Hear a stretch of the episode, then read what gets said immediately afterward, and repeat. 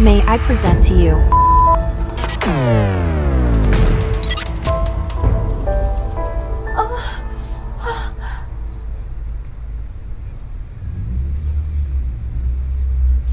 Ik ben op weg naar het, eh, het Rijksmuseum voor Oudheden in eh, Leiden. Om daar te praten ehm, over de prostitutie bij de Grieken en de Romeinen. En een leuk weetje is dat schuin tegenover eh, dat museum, daar ligt de Groenhazengracht. Dat is een, eh, een rustige straat van een meter of 200. En er ligt een, eh, een gracht in. En ik heb me laten vertellen dat die buurt ook wel Billenburg werd genoemd. Omdat hier in de middeleeuwen veel prostituees werkten. En deze publieke vrouwen die werden ook wel haasjes genoemd. En een van hen, die had de bijnaam Groen Haasje. Eh, dat was een Vlaamse bordeelhoudster die eh, hier op de Groenhazengracht een eh, huis had gekocht. Waar ze ging wonen of ging werken. En dat had ze gekocht van Schele Trui. Dat was een bordeelhoudster. En naar deze Groen Haasje is de Groenhazengracht genoemd.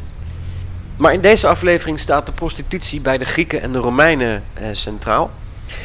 En iemand die alles afweet van de Grieken en de Romeinen is Ruurt Halbertsma. Hij is professor dokter aan de Leiden Universiteit. En hij is conservator van het Rijksmuseum voor Oudheden. En nu ik zo hier over straat loop, vraag ik me af... hoe zou het in Athene en in Rome hebben geklonken op straat? Welkom bij deze tweede aflevering van de Prostcast. Ja, dat is een heel verschil. Op straat was het eh, continu lawaai. Hè. De mensen leefden buiten. Huizen, zeker in Griekenland, eh, waren klein en eh, eigenlijk alleen bedoeld voor, eh, ja, voor het huiselijk verkeer. Maar men leefde voornamelijk op straat. Dus gesprekken, afspraken, dat werd allemaal op straat gedaan. Eh, dus er waren veel mensen op straat, er was veel handel op straat. Overal ja, gebeurde wel iets. Dus er waren karren die werden voortgeduwd. het eh, stikteren van de honden, dat is ook een bekend iets.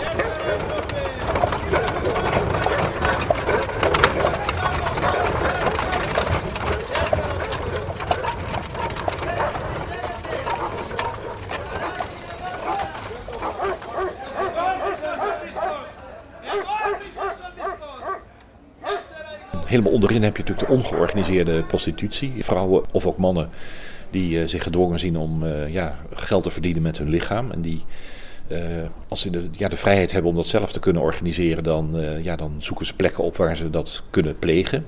Bijvoorbeeld in de boog van een, van een theatergebouw. Dat is een bekende plek waar prostituees werkten in het oude Rome.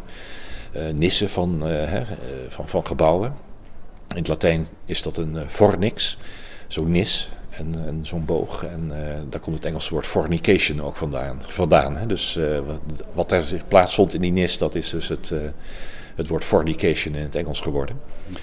Die zochten dus een plek. Begraafplaatsen waren ook populair buiten de stad, waar grote graftombes aan de wegen stonden. Achter zo'n graftombe kon je makkelijk, hè, in zekere, een zekere privacy, kon je daar ja, je, je geld verdienen als prostituee. Maar er waren heel veel prostituees, werkten in, eh, ja, als slaven. En die hadden dus niet de vrijheid om een eigen plek uit te zoeken. Die eh, zaten echt in een bordeel. Eh, dat konden grote bordelen zijn, kleinere bordelen, maar die waren dus eigendom van een bordeelhouder. En moesten daar als slaaf dus hun, hun taken vervullen. En hoe zag hun leven eruit? We hebben wat literaire bronnen, maar die zijn vaak een beetje opgepoetst. Hè? Het type van het hoertje met het gouden hart, die toch een heel goed mens is, ondanks haar arme beroep. Maar het leven moest natuurlijk vreselijk zijn geweest. Eh, je, moest echt, eh, je, werd, ja, je was koopwaar, dus eh, er moest geld gemaakt worden. En bij de Griekse prostitutie was het zo dat je tussen de klanten door ook nog aan het werk moest zijn. En dat betekende voor pros- prostituees vaak wol bewerken. Dus er werden grote hoeveelheden ruwe wol werden aangeleverd die door de prostituees moesten worden bewerkt, klaargemaakt voor, voor het spinnen. En eh, ja, dat wolbewerken moesten ze dus tussendoor doen. Er kwam er een klant, dan werden ze weer eh, uitgenodigd om eh, daar de liefde mee te bedrijven. Dus eh, het moet een vreselijk leven zijn geweest. Voor de laagste, in de laagste categorie kon je voor heel weinig geld dus eh, snel als, eh, als man aan je gerief komen. Dus eh, dat, eh, dat, dat, dat ging in een, enorm tempo door zonder veel verfijningen in, de, in het liefdespel. Eh, zat je in een hogere categorie. Uh, Griekse hetaire is daar een goed voorbeeld van. Hè. Dat zijn uh, vrouwen die een, echt een bepaalde opvoeding hebben, die ook bepaalde vaste klanten hebben met wie ze langere tijd ook doorbrengen. Uh, ja, soms ook bij hen inwonen, meegaan naar feesten. dat is een andere categorie die ook niet per, ja, laten zeggen per beurt betaald werden, maar die gewoon onderhouden werden door een bepaalde patroon. Die ook een bepaalde band hadden met, met een bepaalde heren. En wat zijn pornoi en pornai dan? Dat zijn die uh, goedkoopste uh, prostituees in het oude Griekenland. Een pornai, uh, meervoud pornai, dat is een, een, vrouwelijke prostituee. Een pornos, meervoud pornoi, dat is een mannelijke prostituee. Want ook mannelijke prostituees komen heel veel voor. En een heel bekend voorbeeld is Phaedo, een jonge man die door Socrates, de beroemde filosoof, uh, gespot wordt en wordt vrijgekocht. Die wordt dus uit dat bordeelcircuit gehaald. Wordt een volgeling van, uh, van Socrates. Komt, komt ook in zijn filosofische kring terecht.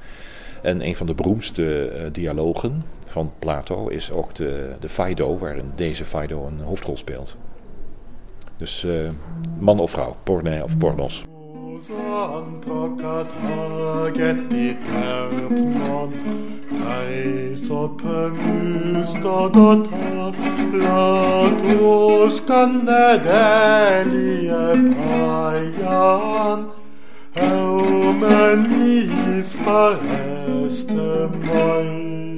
Er is een verhaal bekend van een uh, atleet. Ook atleten toen, sportlieden toen, konden heel veel geld verdienen. Die atleet uh, Xenophon die uh, won in 464 voor Christus uh, een hoge prijs, had veel veel geld en hij kocht toen 100 slavinnen die hij schonk aan de tempel van Afrodite in, in Korinthe. Dus er waren daar hele grote bordelen waar die meisjes dus werden ingezet ter ere van Afrodite. Maar ondertussen voor het gerief van die mannen en die kwamen en het geld ging dan naar de tempel toe. Hoe zag hun werkomstandigheden dan uit in zo'n tempel? Weten we niet. Uh, dat, daar kun je een bepaalde voorstelling van, maken, maar uh, onder een religieus sfeertje kon je dus het bordeel gaan bezoeken. Hè. Dus uh, misschien had je als klant ook nog wel het idee dat je ook nog aan de offer bracht aan de godin van de liefde.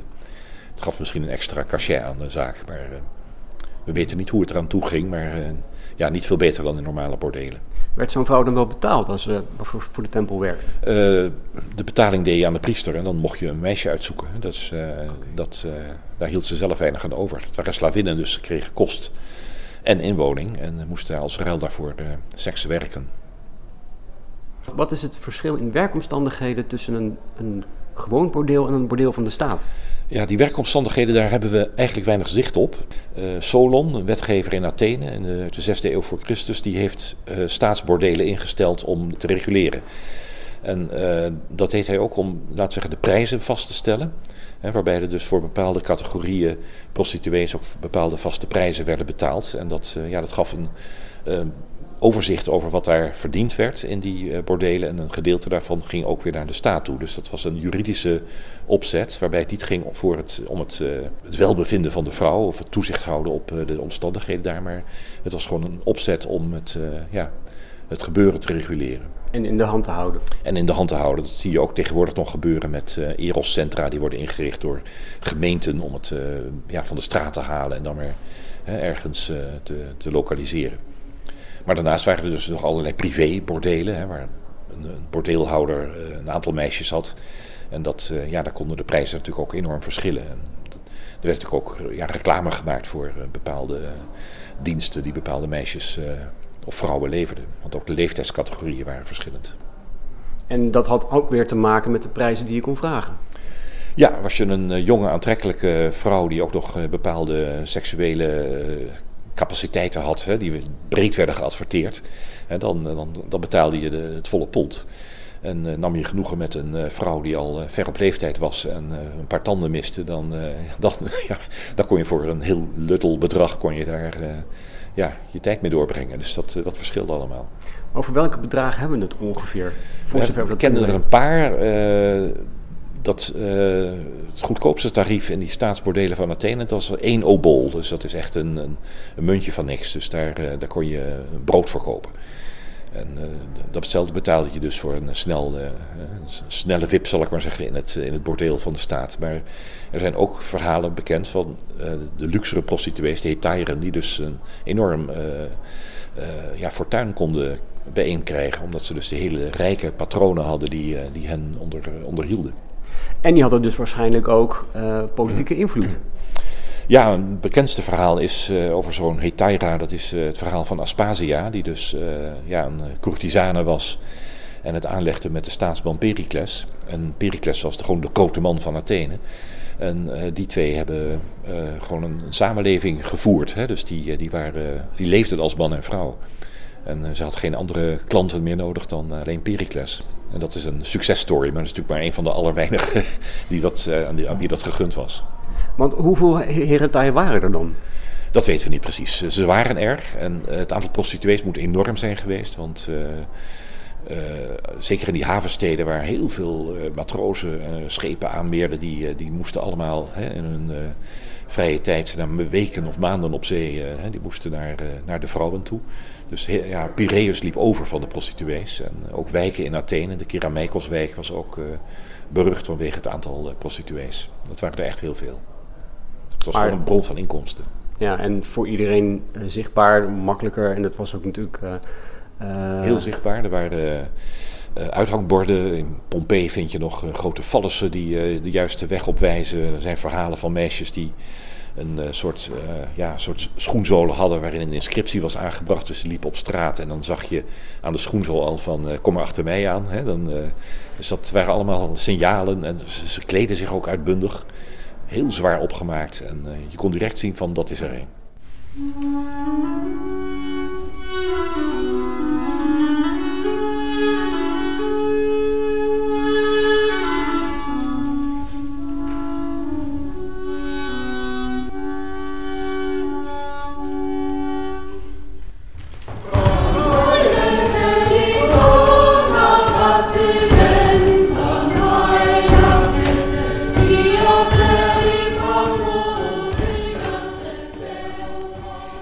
Pompeii had je de zogenaamde lupinars, oftewel letterlijk vertaald wolvenkuilen. Dat waren gewoon bordelen. Hoeveel waren er in uh, en hoe zagen die eruit? Ja, uh, precies geteld heb ik ze niet. Maar er zijn dus aanwijzingen dat heel veel verschillende huizen waren ingericht als bordeel. Dat waren dus huizen die ja, helemaal verkamerd waren in kleine hokjes met een bed. Uh, maar meestal met een uh, zeer expliciete schildering op de muur. Met uh, groepseks, vrouwen met vrouwen, mannen met mannen. Alles zie je daar ook gebeuren. En de wanden van die panden die staan ook vol met ingekraste mededelingen van... nou, hier heb ik de nacht van mijn leven gehad en dat meisje moet je hebben. En hier heb ik het twintig keer achter elkaar gedaan. Hè? Dat soort kletsverhalen die vind je op de muren. En ook een heel mooi, heel mooi graffiti op de muur is van muur je hebt zoveel onzin op je staan, uh, je zou er zelf van omvallen. Dus uh, er werd ook grappen gemaakt over en weer. Maar uh, ik heb ze niet allemaal geteld, maar er zijn er heel veel. En een heleboel plekken die ja, herkennen we misschien niet eens als bordeel. Als er een huis was met twee of drie meisjes die daar werkten, dan, ja, dan kun je niet direct zeggen van dit is een bordeel geweest. Maar het waren er heel veel. En dan nog de losse plekken, hè, zoals ik al zei, de bogen van theaters en de de grafmonumenten waarachter het van alles gebeurde.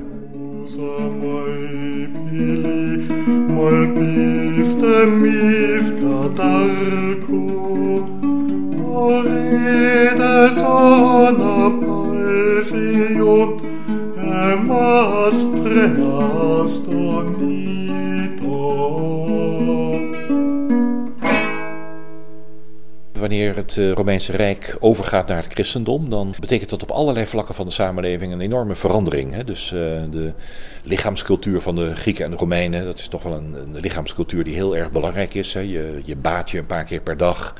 Uh, je zorgt voor parfum, je zorgt voor mooie kleren, je zorgt voor een mooi uiterlijk. Je zorgt ook voor lichamelijk plezier en er hoort gewoon seks bij, dat is heel normaal. Dat verandert allemaal ten gunste van het hogere, hè, het geestelijk leven.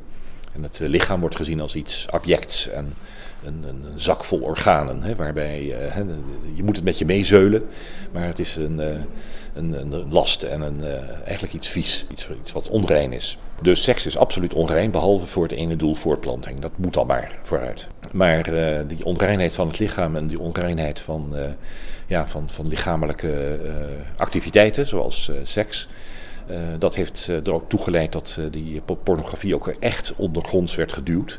En natuurlijk ging dat door, want de mens blijft de mens en heeft behoeften. Eh, zowel gericht op mannen als op vrouwen. Dus mannelijke prostitutie, vrouwelijke prostitutie ging natuurlijk gewoon door in de middeleeuwen. Alleen het is onzichtbaar geworden. Minder, veel minder zichtbaar dan in die Romeinse oudheid. Letus cae Dios. Basileikonotes. Nu sonen estraton urse kake.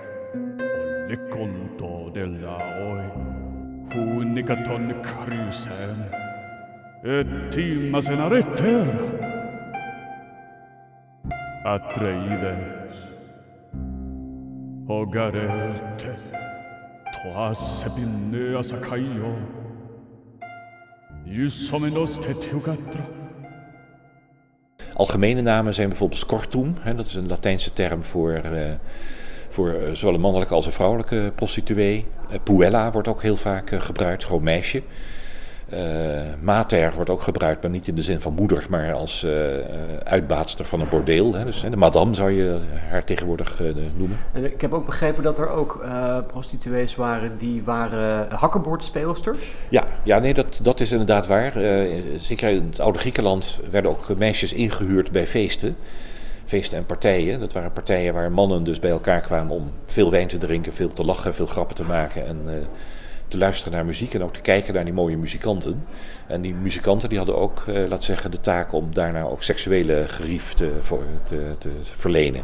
Aha, dus die waren zowel muzikant als uh, prostituee. vanuit opgravingen weten we dat er een, weten we ongeveer wel hoe de bordelen er in Pompeii en waarschijnlijk ook in Rome uitzagen. Is er een verschil in interieur tussen een Romeins bordeel en een Atheens bordeel? Uh, van Athene hebben we heel weinig huizen over. Dat is, uh, kijk, de moderne stad ligt er natuurlijk helemaal overheen. En uh, wat er opgegraven is, dat zijn vrij eenvoudige plattegronden van vrij eenvoudige huizen. Dat was niet op de schaal van, van de Romeinse luxe. Dus dan, men woonde vrij eenvoudig. Maar we hebben geen idee hoe zo'n bordeel eruit heeft gezien. Dat kan ook een soort schuur zijn geweest met verschillende hokjes ja, dat, het, zal niet al te luxe zijn geweest. Um, in, de, in zijn er munten gevonden, de zogenaamde spintree, met uh, uh, nou, zeer expliciete afbeeldingen. Die werden waarschijnlijk gebruikt om, als soort ruilmiddel. maar waarom zijn ze precies ingevoerd? Waarom niet bijvoorbeeld met gewoon geld? Uh, er is een theorie dat je die spintrier kon kopen met, met munten. Dat je een soort uh, token had. Waarbij je dus terecht kon bij een bepaalde prostituee in dat pand. Dus uh, je kocht als het ware vier of vijf van die tokens. En daar kon je dan met verschillende meisjes mee terecht. En die leverde je dan ook weer in. Dus dat was een. ja, als je een leuke nacht wilde hebben, kon je dus drie of vier van die dames bezoeken met, met zo'n spintria een soort kermismunten dus eigenlijk. Dat is een goede woord, ja, kermismunt. Ja. Maar waarom zijn die ingevoerd? Uh, misschien als een soort uh, organisatiesysteem, dat je uh, bij binnenkomst moest zeggen wat je wilde, betalen en je kreeg dan je muntjes. En dan kon je verder door het bordeel je wegzoeken. Maar waar je muntjes op, dan kreeg je ook geen toegang meer tot, tot je, werd je eruit gegooid. Ja, ja, ja. Of je moest nieuwe kopen. Oké, okay, even kijken. Ik denk dat ik er doorheen ben. Nou, dan kunnen we nog even op zaal uh, gaan kijken. Ja, als dat, leuk is. Ja, ja, dat is inderdaad een... Kunnen we nog een paar uh, in het echt zien. Precies. Dat is... En als we zo zitten te praten over de Grieken en de Romeinen, dan vraag ik me af hoe er in deze tijd, dus zo rond het begin van de jaartelling, in de rest van Europa over prostitutie werd gedacht. Nou, ik kan je vertellen, de Germanen deden heel veel aan slavenhandel, en die slaven waren ook voor de prostitutie bestemd. In het midden van Italië, net boven Rome, was het rijk van de Etrusken. Tussen 1200 en 90 voor Christus hadden zij een rijk dat zich uitstrekte van Toscane tot aan de Etruskische stad Mantua in het noorden. Zij hebben ook steden gesticht als Perugia en Volterra. Hoe was de prostitutie nou bij hen geregeld? Nou, om die vraag te beantwoorden heb ik contact gezocht met Bouke van der Meer. Hij is emeritus hoogleraar archeologie en hij wordt gezien als dé kenner op het gebied van de Etruskische geschiedenis. En professor Van der Meer vertelde me dat er geen of nauwelijks archeologische bewijzen zijn voor prostitutie bij de Etrusken. Maar in Tarquinia, daar staat de Tomba della Fustigazione, oftewel de tombe van de afranseling. En in die tombe is een zwaar beschadigde afbeelding te zien. Het is nog wel te herkennen. En wat je ziet is een naakte vrouw. Dat zou dus een prostituee kunnen zijn. Die gebukt staat tussen twee mannen. Een van die mannen heeft een zweep en die houdt haar billen vast. En de andere man die wordt door haar gepijpt. En hij lijkt haar te slaan met een vlakke hand. Ook in een andere tombe zijn expliciete seksscènes te zien. In de tombe van de leeuw zie je twee seksscènes van een vrouw die het met twee mannen doet en een homoscène. Nou, ik kan me persoonlijk niet voorstellen dat er bij de Etrusken geen prostitutie bestond, maar er zijn alleen geen bewijzen voor. We gaan terug naar professor Halbertsma en de Grieken en de Romeinen. Nou, dit is onze Griekse afdeling. Allerlei objecten die uh, ja, scènes uit het dagelijks leven in het oude Griekenland uh, laten zien. Symposium zien we daar hè, met een meisje van plezier dat daar muziek aan het maken is, maar die gaat dus later ook uh, uit de kleren om de heren plezier te laten beleven. Het is een, een vaas met twee oren. Is het een vaas of is dat een verkeerde benaming? Nee, het is een vaas die gebruikt werd om water te mengen met wijn. Want water, wijn werd verdund gedronken. Hè. Er ging een hoeveelheid water bij, waardoor je ja, ook wat minder snel dronken werd. En uh, we zien hier hoe die wijn ook gedronken werd. Want je ziet daar een man met een schaal, hè, die brengt hij naar zijn mond. Maar... Een andere man met, het, met de hand op het achterhoofd is aan het zingen. Het meisje maakt uh, muziek. En ja, ze is duidelijk gekleed en heel mooi doorzichtig gewaad. En aan de hand van dat gewaad weten we zeker dat het over een prostituee gaat? Het is een meisje dat muziek maakt bij een mannenfeest. En waarschijnlijk. Ja, dan, ja, dan kun je het is niet heel expliciet, maar uh, waarschijnlijk. Maar daar, dat, dat, is wel zo expliciet duidelijk dat we die conclusie wel veilig kunnen trekken. Ja hoor, ja, dat, uh, dat uh, kunnen we wel doen. dit is een, een kap die je over je knie kon leggen. Hij is wat ruw aan de bovenkant gemaakt en daarmee kon je wol losmaken. Dus uh, die vette wol kon je zo een beetje voorbewerken voordat het uh, gesponnen ging worden. En daar zie je een vrouw tussen twee mannen. En die mannen, als je heel goed kijkt, dan hebben ze ja, niet, niet, niet heel expliciet op deze afbeelding, maar op de andere kant is dat uh, wat duidelijker. Hebben ze ook geldbeurzen in de hand. Ah, oké. En we hebben het al gehad over die wolbewerking, die dus gedaan werd door prostituees, wanneer ze geen klanten hadden.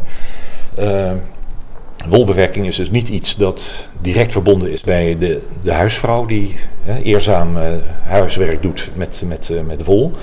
Maar hier dus heel duidelijk verwijst naar prostitutie.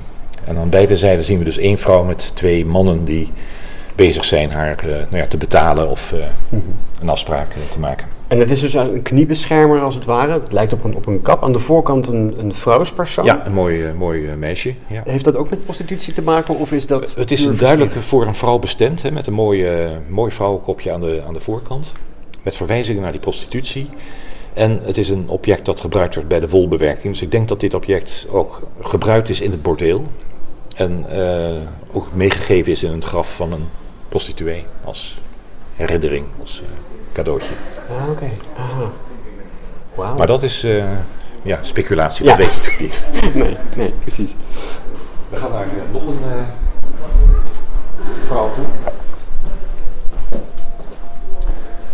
Nou, in de literatuur over dit object wordt altijd gezegd: dit is een wat oudere vrouw die op een stoel zit en hier wol aan het bewerken is, die in een wolmand, dat is de typische vorm voor een wolmand, die, die staat voor haar. Dus dat is een eerbiedwaardige vrouw die hier is overleden en ze hier is afgebeeld. Nou, dat is best. Dat, uh, dat is één manier om naar te kijken.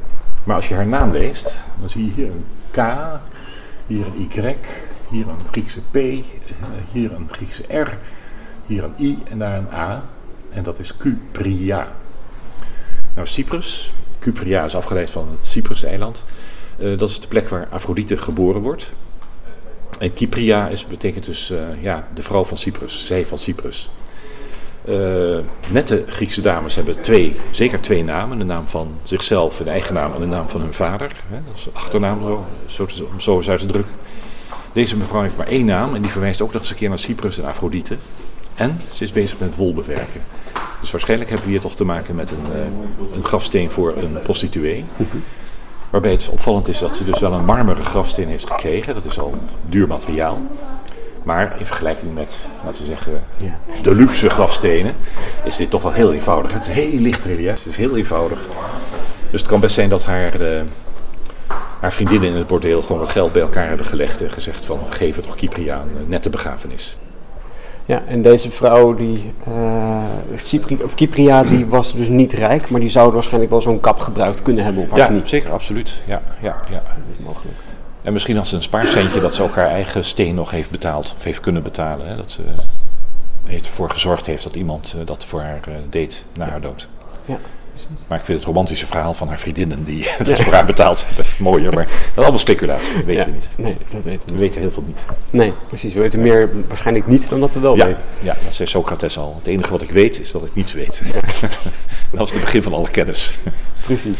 Dit was de tweede aflevering van de Prostcast. Mijn hartelijke dank gaat uit naar professor Halbertsma van het Rijksmuseum voor Oudheden in Leiden. Ook dank ik Bouke van der Meer.